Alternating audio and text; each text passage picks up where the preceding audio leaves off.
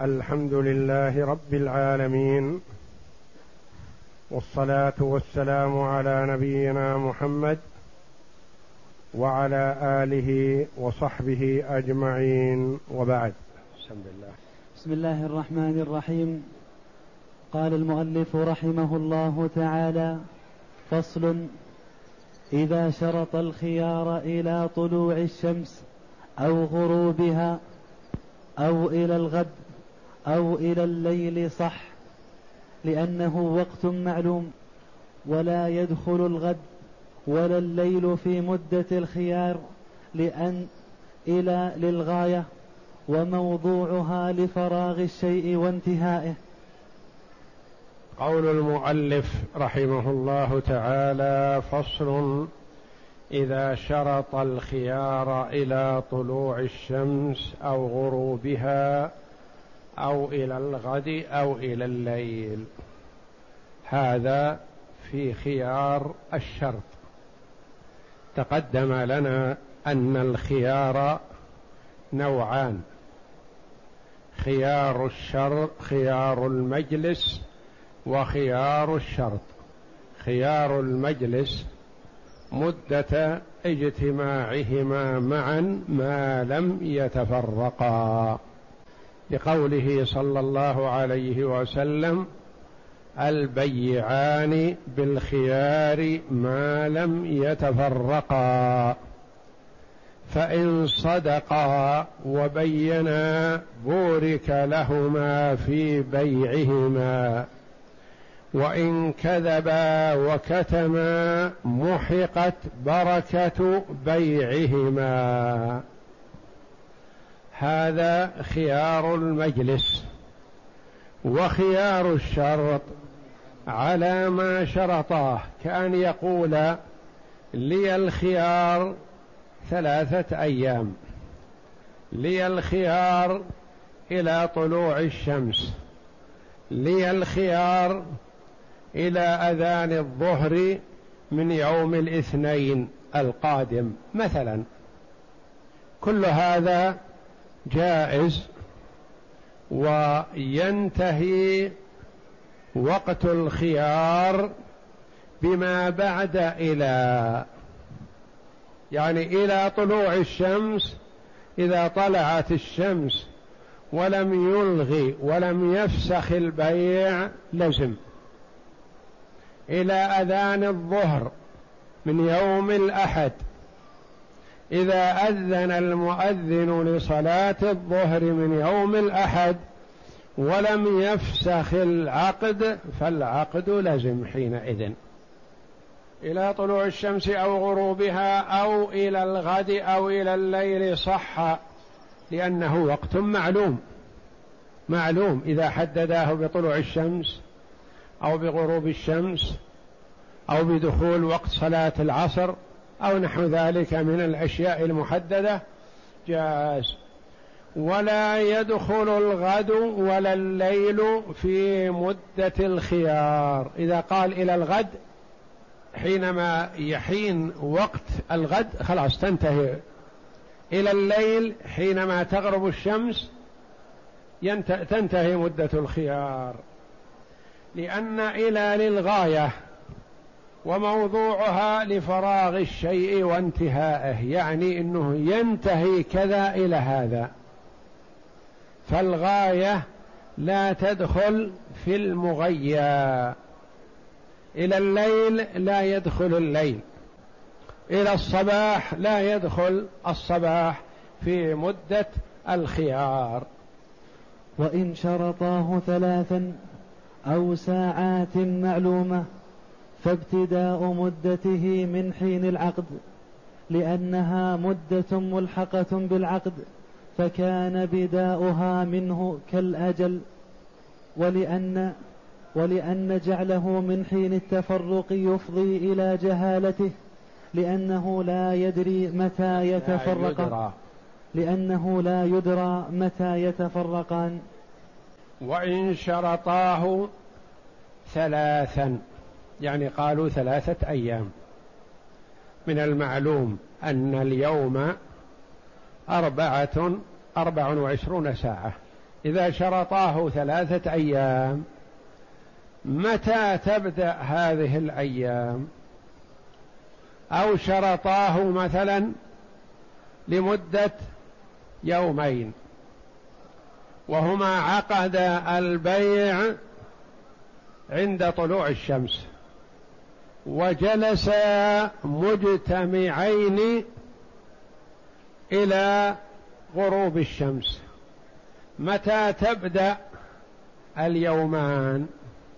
هل تبدأ من حين العقد أو تبدأ من حين التفرق؟ قولان. وإن شرطاه ثلاثا أو ساعات معلومة. قال مثلا أبرم العقد اثنى عشر ظهرا. وقال أحدهما للآخر لي الخيار ثلاث ساعات. أبى اتصل بالتليفون وشاور أمهلني اجعل لي الخيار ثلاث ساعات. ثم جلسا معا من الساعة 12 الذي هو وقت العقد إلى الساعة ثلاث بعد الظهر. هل انتهت هذه الساعات المجعول له فيها الخيار بهذا الجلوس أم أنها تبدأ بعد التفرق؟ فابتداء مدته من حين العقد. من حين العقد. في مثالنا السابق تبايعا الساعة 12 وقال أحدهما لي الخيار لمدة ثلاث ساعات. وجلسا معا إلى الساعة ثلاث بعد الظهر. ما تفرقا. ثم جاء الذي قال ثم تفرقا. قليل. ثم جاء الذي قال لي الخيار ثلاث ساعات بعد هذا التفرق بنصف ساعة. قال فسخت البيع. قال له صاحبه ما يمكنك الآن انتهت مدة الخيار. خيارك ثلاث ساعات. ابتدأت هذه الثلاث من الساعة 12 إلى الساعة 3 انتهت. يقول المشتري أنا جعلت قلت لي الخيار ثلاث ساعات أريد هذه الساعات من حين ما نتفرق. لأن ما دمنا معا ما أستطيع أتصل ولا أستشير أحدا وإنما بعد ما نتفرق أريد ثلاث ساعات أتصل بها على من شئت لأستشيره. يقول المؤلف رحمه الله فابتداء مدته من حين العقد.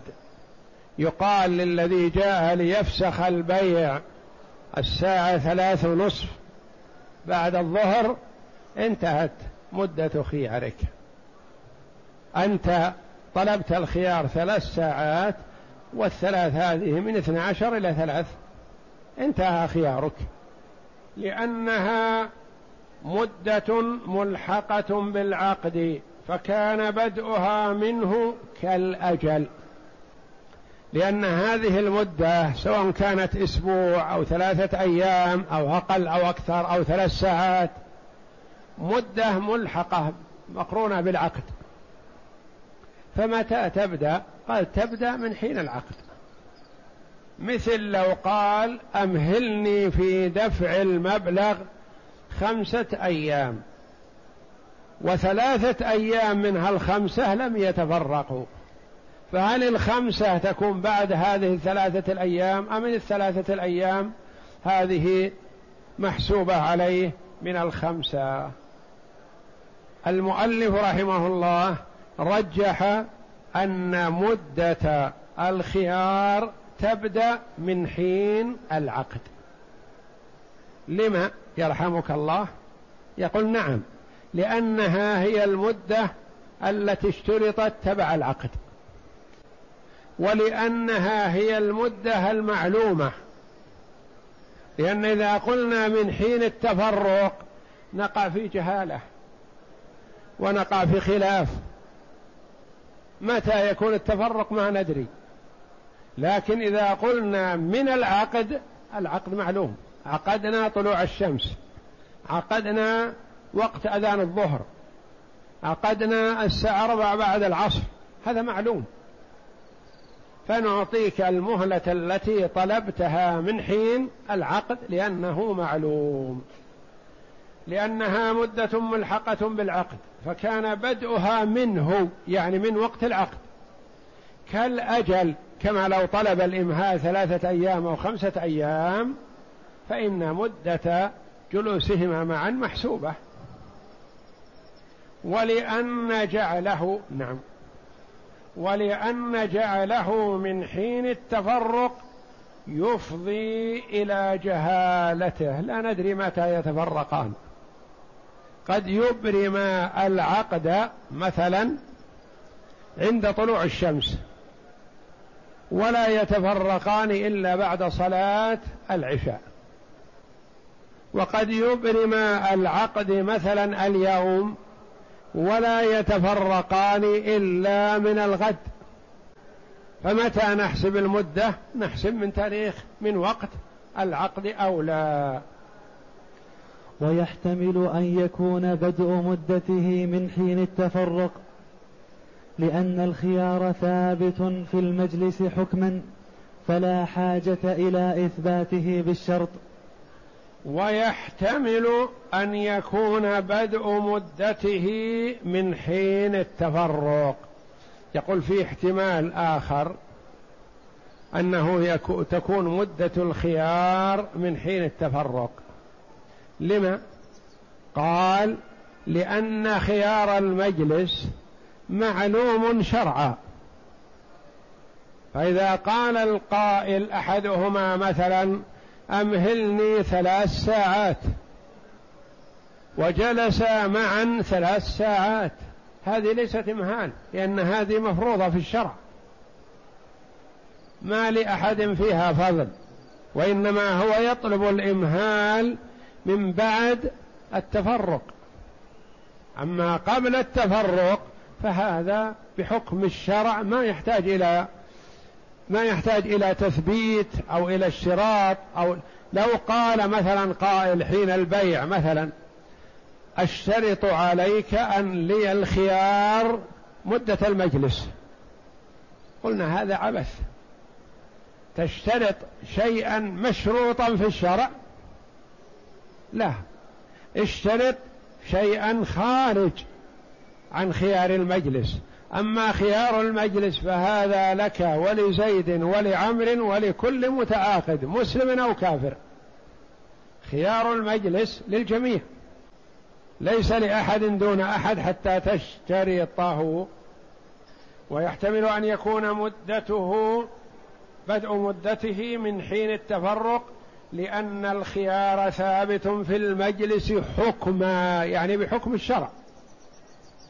فلا حاجة إلى إثباته بالشرط.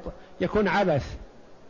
شيء مشروط لك بالشرع تشترطه في شرطا ما يحتاج لأنه معلوم.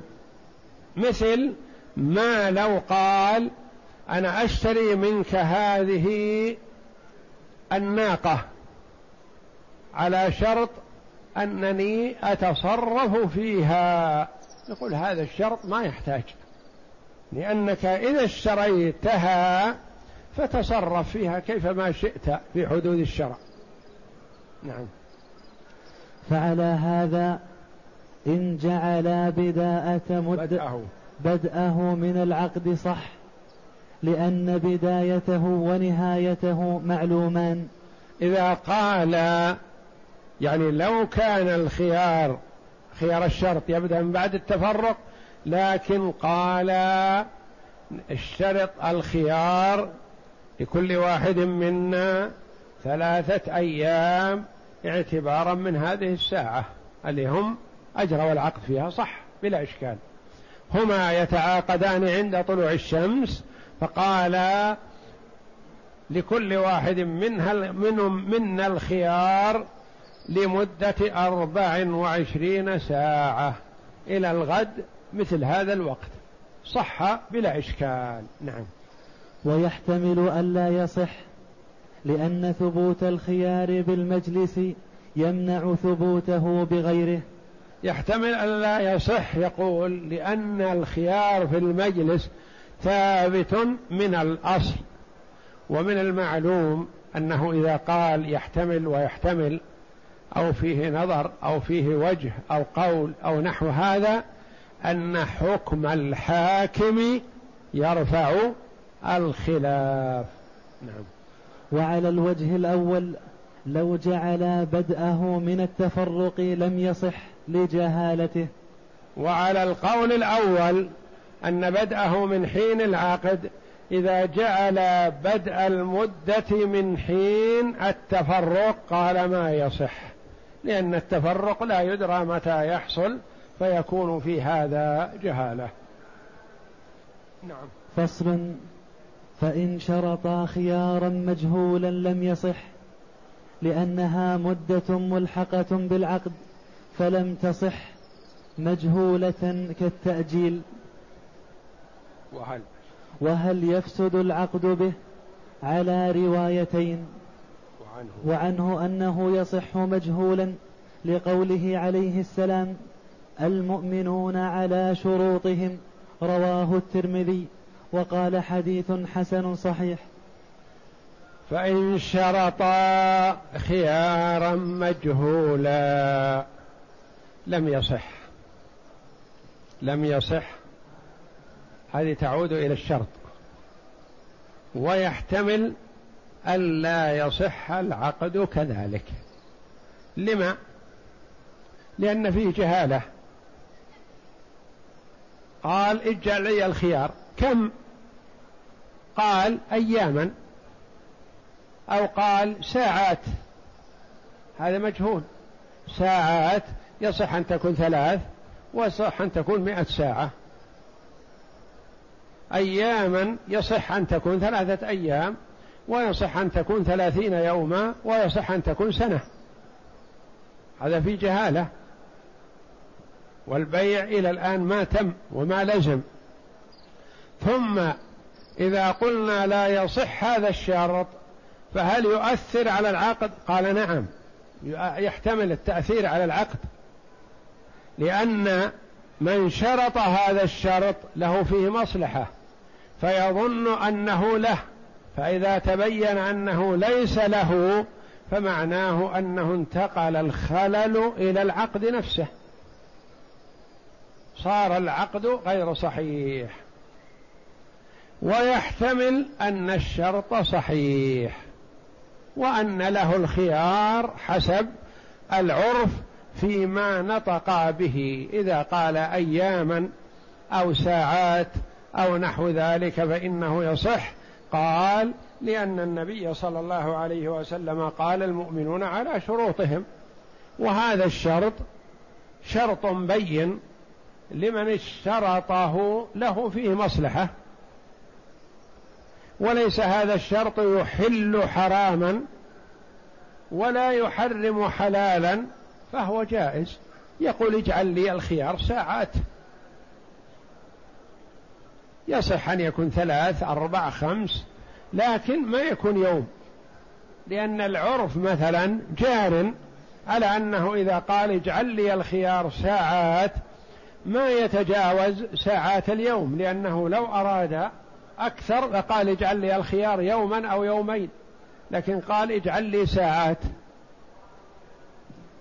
فينصرف إلى ما تعرف عليه ويصح إلا إن قطعاه. وكذا لو قال اجعل لي الخيار دائما. ما لم يظهر مني الرغبة في المبيع. كأن أبيعه أو أوقفه أو أهبه. فهذا دليل على أنني أمضيت البيع. نعم. فعلى هذا إن كان الخيار مطلقا مثل أن يقول لك الخيار متى شئت أو إلى الأبد. فهو يعني يقول مثلا أشتري منك هذا البيت بألف. قال بعت عليك البيت بألف. قال اجعل لي الخيار. قال لك الخيار ما شئت. يعني لو بعد شهر أو شهرين أو سنة أو سنتين طاب خاطرك من البيت رد البيت علي وأرد عليك المبلغ. أنا لست حريص على البيعة لكن بعت من أجلك. قال اجعل لي الخيار ثلاثة أيام. قال لك الخيار ثلاثين يوما. لك الخيار ما دمت حي فلك الخيار. صح. لأنهما تراضيا على ذلك. أو إلى الأبد فهما على خيارهما أبدا أو يقطعاه فهما على خيارهما أبدا يعني يستمر الخيار أو يقطعاه يقول أحدهم للآخر يا أخي كل واحد منا بالخيار الآن فكل واحد منا ما هو مطمئن إلى البيعة. لو رغبت أنا في, في إتمام العقد يمكن أنت ما ترغب. ولو رغبت أنت في الفسخ أنا أرغب في البيع. فيا أخي خلنا نستريح نلغي الخيار نقطع الخيار بيننا. فاتفقا على قطعه انقطع انتهى يعني. نعم. وإن قال إلى أن يقدم زيد أو ينزل المطر ثبت الخيار إلى زمن اشتراطه أو يقطعاه قبله. وإن قال لي الخيار إلى أن يقدم زيد من المعلوم أن قدوم زيد مجهول. يحتمل أن يقدم زيد اليوم ويحتمل غد.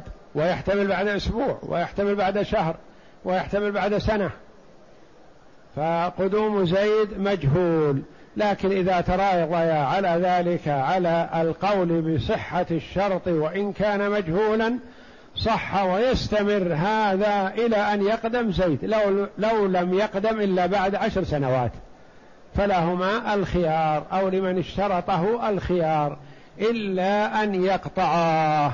يقول يا أخي تأخر زيد في المجيء ونحن الآن في شك من البيع.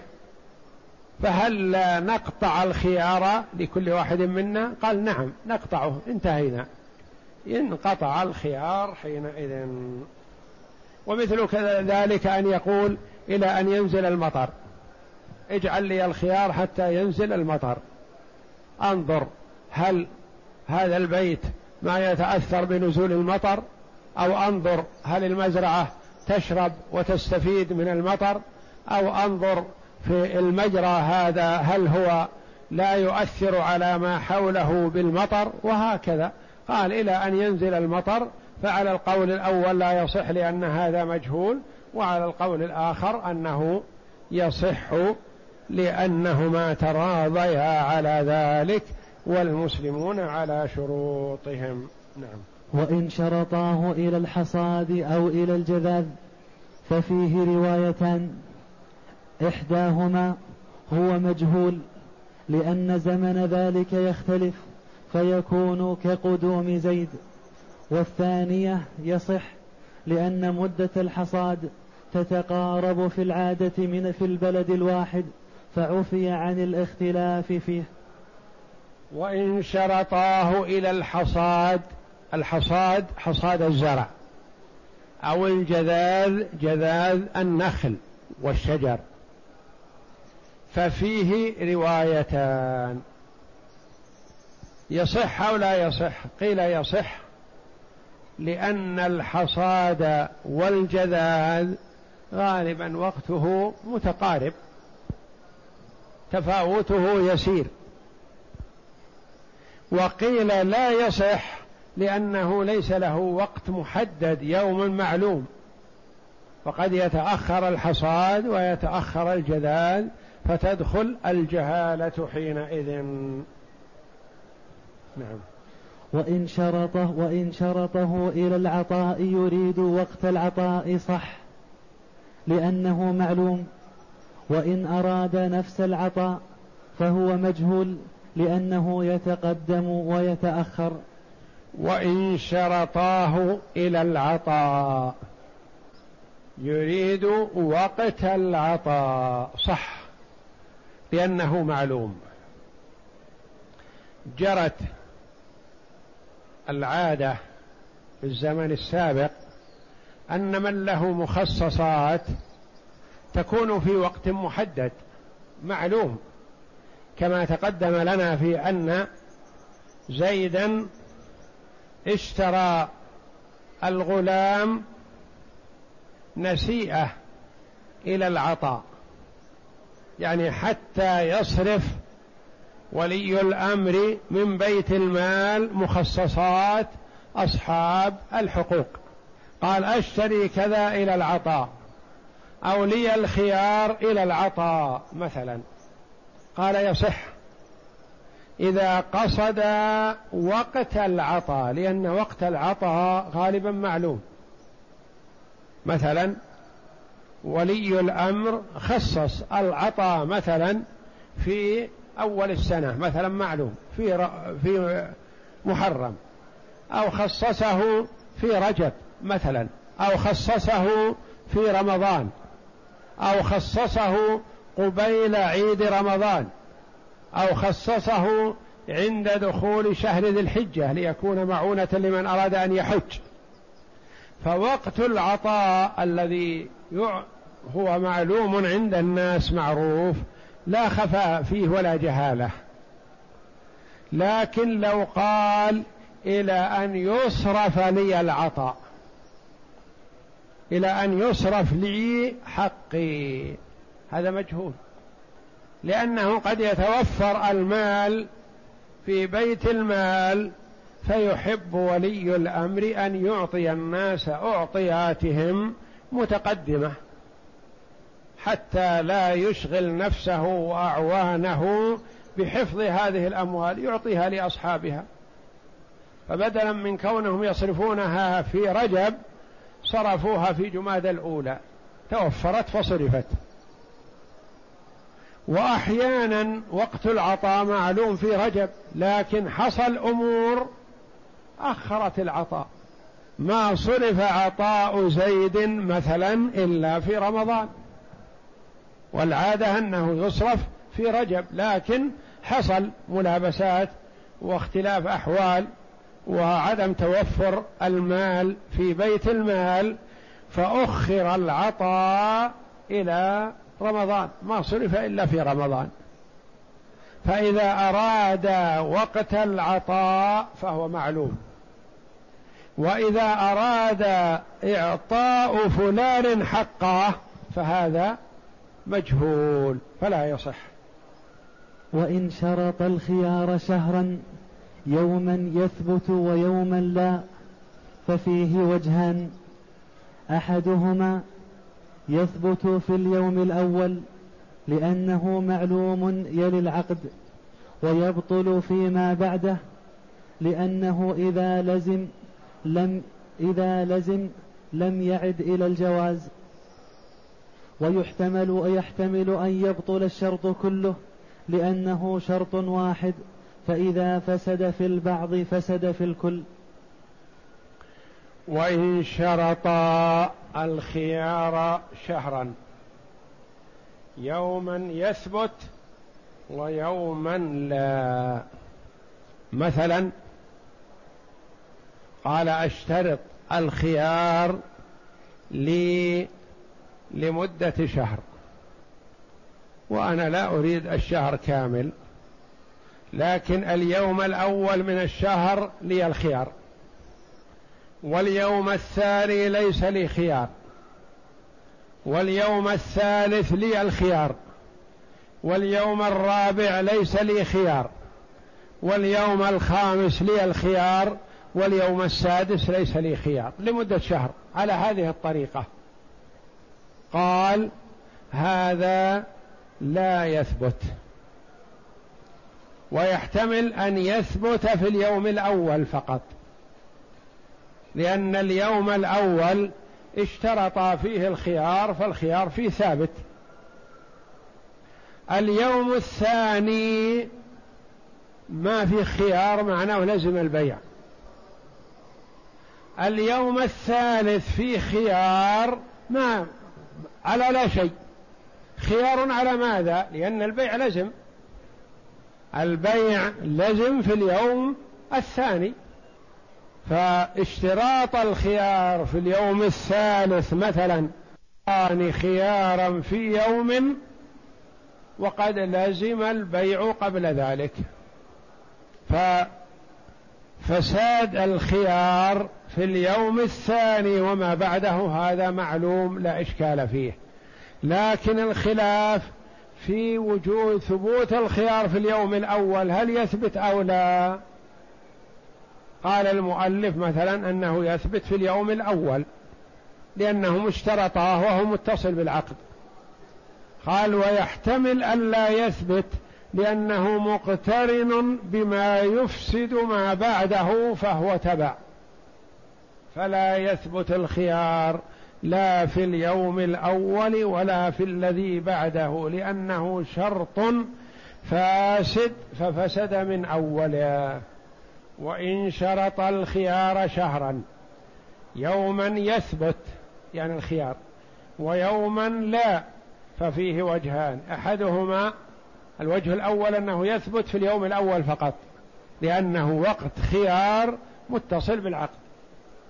لأنه معلوم يلي العقد ويبطل فيما بعده هذا لا إشكال فيه. لأنه إذا لزم لم يعد للجواز لأن البيع لزم. والخيار يجعل البيع جائز. فما يصح أن يكون لزم البيع أمس واليوم جائز. ويلزم غدا وبعد غد يكون جائز. هذا عبث. ويحتمل أن يبطل الشرط كله.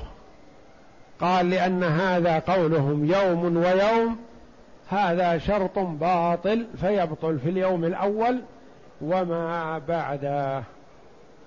نعم. فصل ولمن له الخيار الفسخ من غير حضور صاحبه ولا رضاه لأنه عقد جعل إلى اختياره فجاز في فجاز مع غيبة صاحبه وسخطه كالطلاق. ولمن له الخيار الفسخ من غير حضور صاحبه. هذا ثمرة خيار الشرط. من اشترط له الخيار فله الفسخ سواء حضر صاحبه أو لم يحضر. رضي صاحبه أو لم يرضى. مثلا تبايعا عند طلوع الشمس. وشرطا الخيار لهما إلى غروب الشمس. فأحدهما حريص على لزوم البيع فتوقع أن صاحبه سيبحث عنه لأجل أن يبلغه بفسخ البيع فاختفى. وما تبين لصاحبه إلا بعد العشاء. فلما تبين له قال البيع لزم. قال الآخر لا يا أخي أنا فسخت البيع بعد العصر. بحثت عنك لأخبرك فلم أجدك. لكني أشهدت اثنين بأني فسخت البيع بعد العصر. يقول أنا ما حضرت ولا علمت ولا رضيت. نقول سيان حضرت أو لم تحضر. علمت أو لم تعلم. رضيت أو لم ترضى. ما فائدة الخيار إذن؟ فائدة الخيار أن كل واحد منكما بالخيار. إذا أراد إمضاء البيع أمضاه وإن أراد فسخ البيع فسخه. ولو كان هذا مرتبط بموافقتك أو عدم موافقتك إذا لا فائدة في الخيار. لدام الأمر يتطلب رضا الطرفين لا فائدة حينئذ في الخيار. فنحن جعلنا الخيار للرجل الذي يرى أن الخيرة له في الفسخ أو في إمضاء البيع فهو على ما أراد. ولو لم يلتق بصاحبه ولو لم يلتق به. ولو لم يعلمه ولو لم يعلمه. ما دام أشهد فلا بد من الإشهاد. لأنه لا يؤخذ قوله هكذا يخشى أنه ما أمضى البيع ما فسخ البيع ولكن بعد بعد ما انتهت مدة الخيار عرض المبيع للبيع فوجده لا يساوي القيمة التي اشترى بها فقال أفسخ البيع. نقول لا تفسخه في مدة الخيار. أما إذا انتهت مدة الخيار فلا فسخ. فمن أراد فسخ البيع ولم ير صاحبه فعليه أن يشهد. إذا كان الخيار إلى غروب الشمس وأراد الفسخ مثلا بعد صلاة العصر يقول تعال يا أخي يا فلان ويا فلان اشهد بأنني اشتريت البيت من فلان بكذا وجعلت الخيار لي إلى الغروب والآن أنا أريد فسخ البيع. اشهد على فسخي للبيع. أني ما أريد إمضاء البيع فيتحمل الشهادة فيؤديانها لو لم يقبل صاحبه الآخر. قال لا أنت فسخت بعد مدة الخيار فلا أقبل منك. يقول عندي شاهدان فيشهدان بذلك. ومتى انقضت مدته قبل الفسخ لزم العقد؟ قال كالطلاق لأن الطلاق لا يؤخذ به رأي الطرف الآخر الذي هو الزوجة. فمثلا المطلق إذا رغب في طلاق زوجته هل يستشيرها؟ هل يأخذ رأيها في هذا؟ لا. هل يشترط رضاها بالطلاق؟ لا. يطلق متى شاء هي زوجته متى أراد طلاقها فله ذلك. نعم. ومتى انقضت مدته قبل الفسخ لزم العقد على كل حال لأنها مدة ملحقة بالعقد فبطلت بانتهائها كالأجل. ومتى انقضت مدته قبل الفسخ؟ مثلا شرط الخيار له إلى غروب الشمس. فغربت الشمس ولم يفسخ العقد. فلما صلى العشاء عرض هذه السلعة للبيع على أنها لزمته فسيمت بنصف قيمتها التي اشتراها به. فقال الحمد لله الوقت قريب الآن أنا أفسخ البيع أردها على صاحبها هل يمكنه؟ أن يردها عليه بعد العشاء وقد حدد مدة الخيار إلى غروب الشمس. ليس بإمكانه ذلك إلا إن أقاله صاحبه. إذا أقاله فباب الإقالة وقته واسع كما سيأتينا. ويؤجر المقيل لصاحبه. فإذا مضت مدة الخيار لزم البيع حينئذ. لأنها هذه المدة ملحقة بالعقد فبطلت يعني التي هي مد الخيار بانتهائها كالأجل. نعم. ويبطل الخيار بالتخاير كما يبطل خيار المجلس به. ويبطل الخيار بالتخاير. مثلا اشترى منه البيت وشرط كل واحد منهما الخيار لنفسه شهرا. اشترط الخيار لمدة شهر. فالمشتري يرى أنه راغب في البيت ويحب أن يسكن ويخشى أنه بعدما يرتحل للبيت ويسكن يأتي صاحبه ويقول حنا في مدة الخيار وأنا عدلت عن البيع. فأخل البيت لي. فيقول يا سبحان الله تراني أرحل وأشتغل وأعدل في البيت وكذا والآن تقول لي أرحل؟ قال نعم نحن في الخيار. فالخيار ماض إلا أن يتخايرا يأتيه مثلا الذي يريد أن يرحل إلى البيت ويقول تعال يا أخي أنت بالخيار شهر وأنا بالخيار شهر والبيت الآن معطل. ولا واحد منا يطمئن إلى صاحبه يخشى أن يفسخ. فنريد أن نقطع الخيار بيننا. قال نعم يا أخي لا بأس. نقطع الخيار بيننا. فإنه ينقطع. ينقطع الخيار بالتخاير. يعني يقول من الآن يا أخي تريد إمضاء البيع أو لا تريد؟ خل نستريح. فحسب ما يختار. نعم. ولو ألحق بالعقد خيارا بعد لزومه لم يلحقه لأنه عقد لازم فلم يصر جائزا بقولهما كالنكاح. ولو ألحق بالعقد خيارا بعد لزومه لم يلحقه لأنه عقد لازم.